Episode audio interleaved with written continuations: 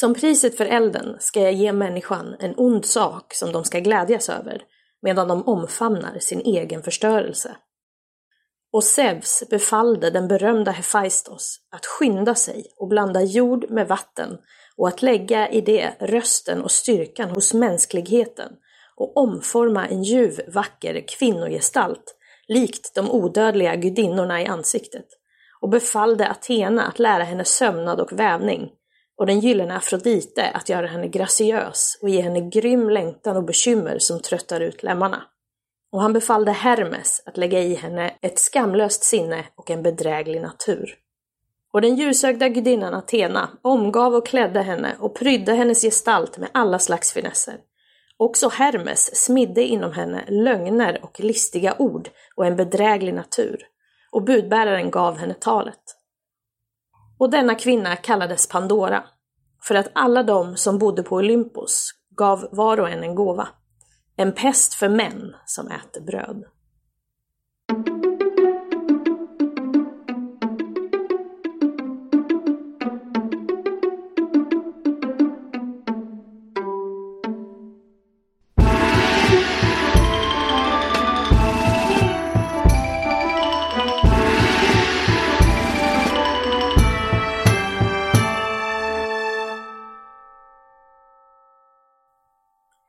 Hej och välkomna till Podius Castus, en podd om antiken.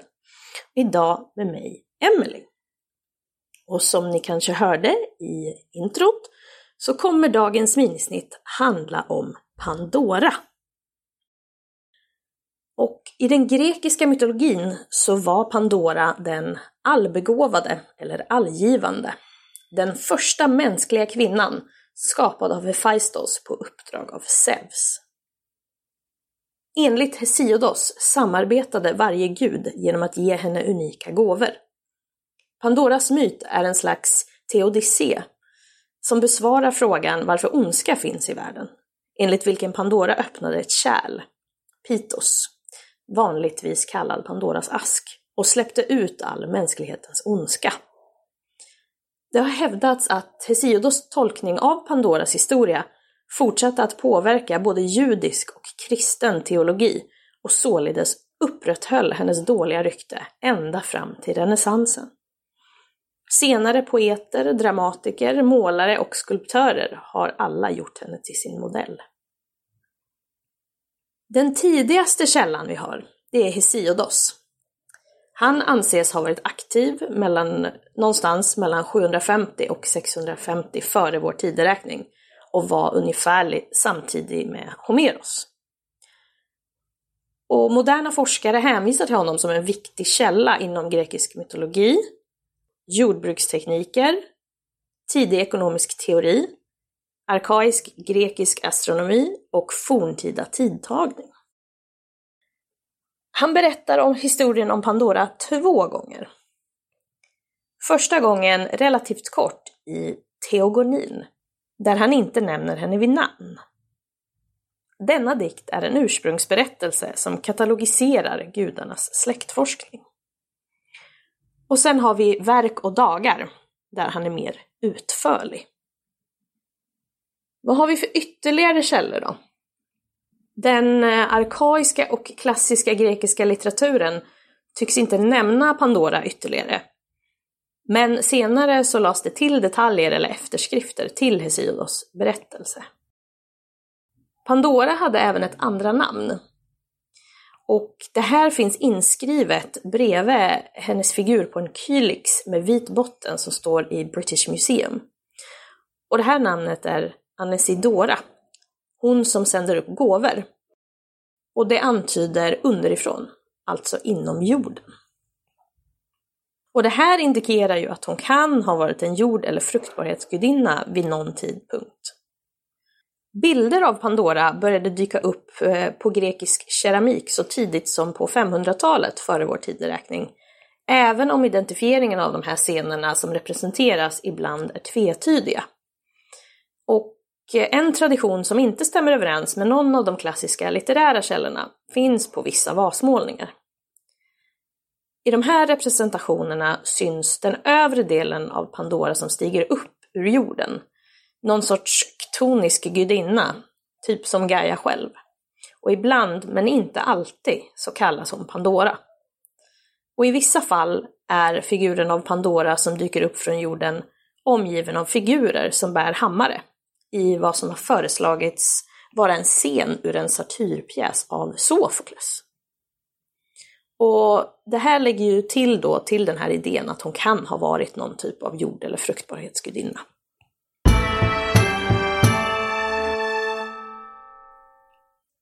Men om vi ska gå åter till Hesiodos och teogonin. Det som leder till handlingen, både i teogonin och i verk och dagar, när det gäller Pandora, är att Zeus har blivit lurad av Prometheus. Zeus beskrivs ju ofta som smart och strategisk, men han luras inte bara en, utan två gånger då av titanen Prometheus. Första gången han blev lurad var när Prometheus fick uppdraget att dela upp kött i en portion för gudarna och en för de dödliga efter att man har offrat ett djur. Prometheus gömmer köttet under oxens mage och sen ordnar han benen under en bit glittrande fett. Prometheus förklarar att Zeus har första tjing, så välj vilken portion du vill ha. Så Zeus gör sitt val och inser först efteråt att han har blivit lurad. Människorna får alltså de goda sakerna och gudarna sitter fast med en hög med ben. Prometheus andra trick, det är ren stöld. Han stjäl nämligen elden som tillhör gudarna och delar med sig av den till människorna. Och som många kanske vet så blir han straffad för det här genom att vara bunden till en sten och få sin lever uthackad av en örn. Och i och med att han är odödlig så betyder det att hans lever växer tillbaka varje dag. Så att hela den här hemska verksamheten börjar om på nytt.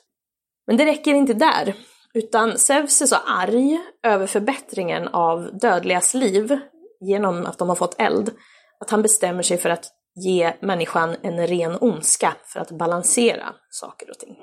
Och i teogonin så dyker Pandora-myten upp i raderna 560 till 612.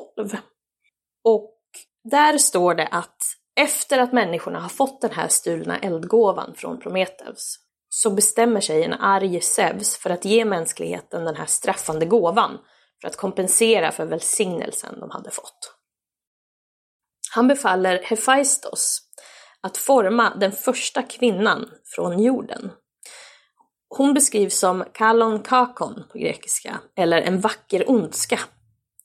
Gudinnan Athena får sedan klä henne och när de har avslutat sitt arbete visar de den här vackra ondskan för de andra gudarna. För att de ska se att de dödliga männen inte kommer ha något redskap eller botemedel mot henne. Och härifrån kommer hela den dödliga rasen av kvinnor.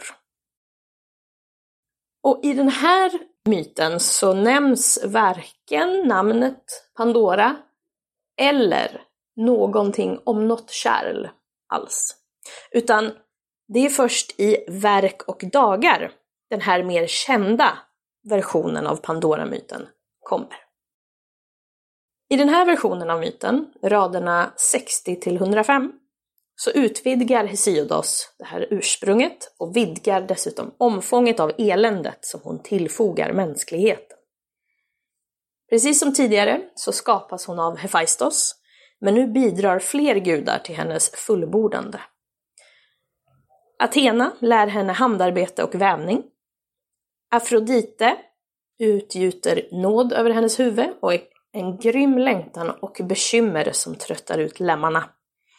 Hermes ger henne ett skamlöst sinne och en bedräglig natur.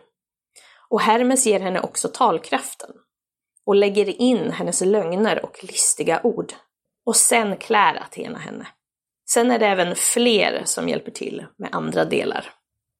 Och slutligen så ger Hermes den här kvinnan ett namn. Pandora. En pest till män som äter bröd.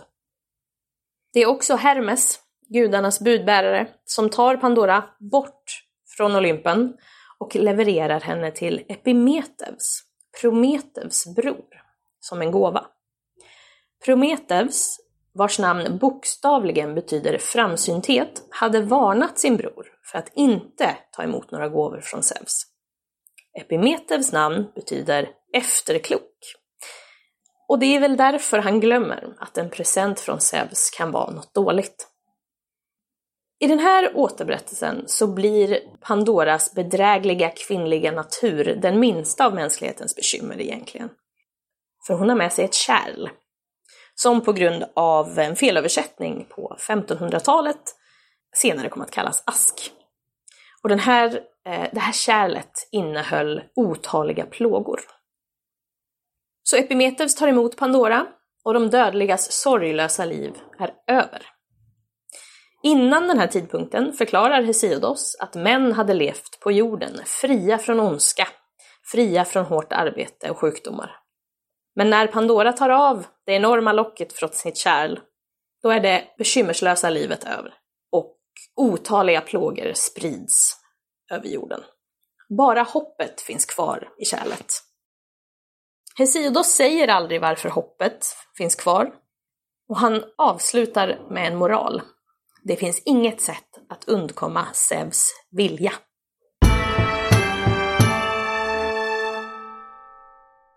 Den här felöversättningen då, som jag nämnde, det är av ordet pitos, som var ett stort förvaringskärl. Och den här eh, felöversättningen tillskrivs eh, 1500-talshumanisten Erasmus av Rotterdam när han då översatte Hesiodos berättelse till latin. Hesiodos Pitos syftar på ett stort förvaringskärl som sagt, ofta halvt nedgrävt i marken och användes för vin, olja eller spannmål. Och Erasmus översatte Pitos till det latinska ordet pyxis, som betyder låda eller ask. Och sen dess så är myten känd som Pandora och hennes ask. Du kanske märker vissa likheter mellan Pandora och Bibelns Eva. Som med många antika berättelser så återanvändes de och ompaketerades i andra format och i senare litteratur. Det de har gemensamt, det är att de är den första kvinnan, bägge två. Och de beskrivs som bedrägliga och svaga och att de faller för frestelser. Även om just frestelsedelen inte nämns i just Hesiodos. Och det har hävdats att eh, det var ett resultat av helleniseringen av Västasien som kvinnofientligheten i Hesiodos berättelse om Pandora öppet började påverka både judiska och sedan kristna tolkningar av skrifterna. Och den här partiskheten mot kvinnor fortsatte sedan in i renässansen. Biskop Jean Oliviers långa latinska dikt Pandora, skriven 1541, utgick från den klassiska redogörelsen såväl som den bibliska för att visa att kvinnan är medlet för att dra män till synd. Under samma period dök en femakters tragedi upp av den protestantiska teologen Leonard Coleman 1544. Och även han vill poängtera en konventionell kristen moral. Vi har samma i konsten. Vi har eh, Jean Cousin, som 1550 målade Eva Prima Pandora. Eva den första Pandoran. Där en naken kvinna eh, sitter i en grotta. Hennes högra armbåge vilar på en skalle vilket indikerar dödsfall. Och hon håller en eh, äppelgren i handen. Båda attribut för Eva. Hennes vänstra arm är kransad av en orm. Även här hänvisas till Eva. Och handen vilar på en låda. Som är Pandoras attribut. Och i Juan de Heroscos Emblas Morales 1589 ges ett motiv för Pandoras agerande. Kvinnlig nyfikenhet och viljan att lära sig som den allra första kvinnan blev lurad av. Och under det efterföljande århundradet så likställdes den här viljan med det kvinnliga kravet att också få tillgång till utbildning. Det finns även eh, målningar och tolkningar där hon utmålas väldigt ytlig och väldigt eh, fåfäng. Sen finns det även tolkningar av eh, Pandoras nyfikenhet som bara är en förlängning av barnslig oskuld och då porträtteras hon även som barn.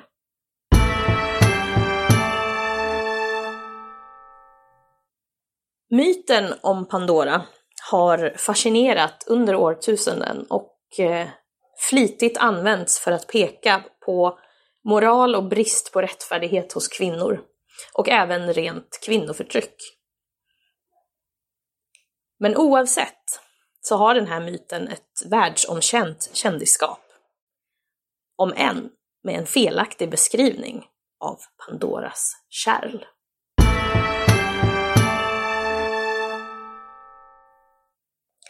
Så, det var Pandora och lite kort om hennes myt.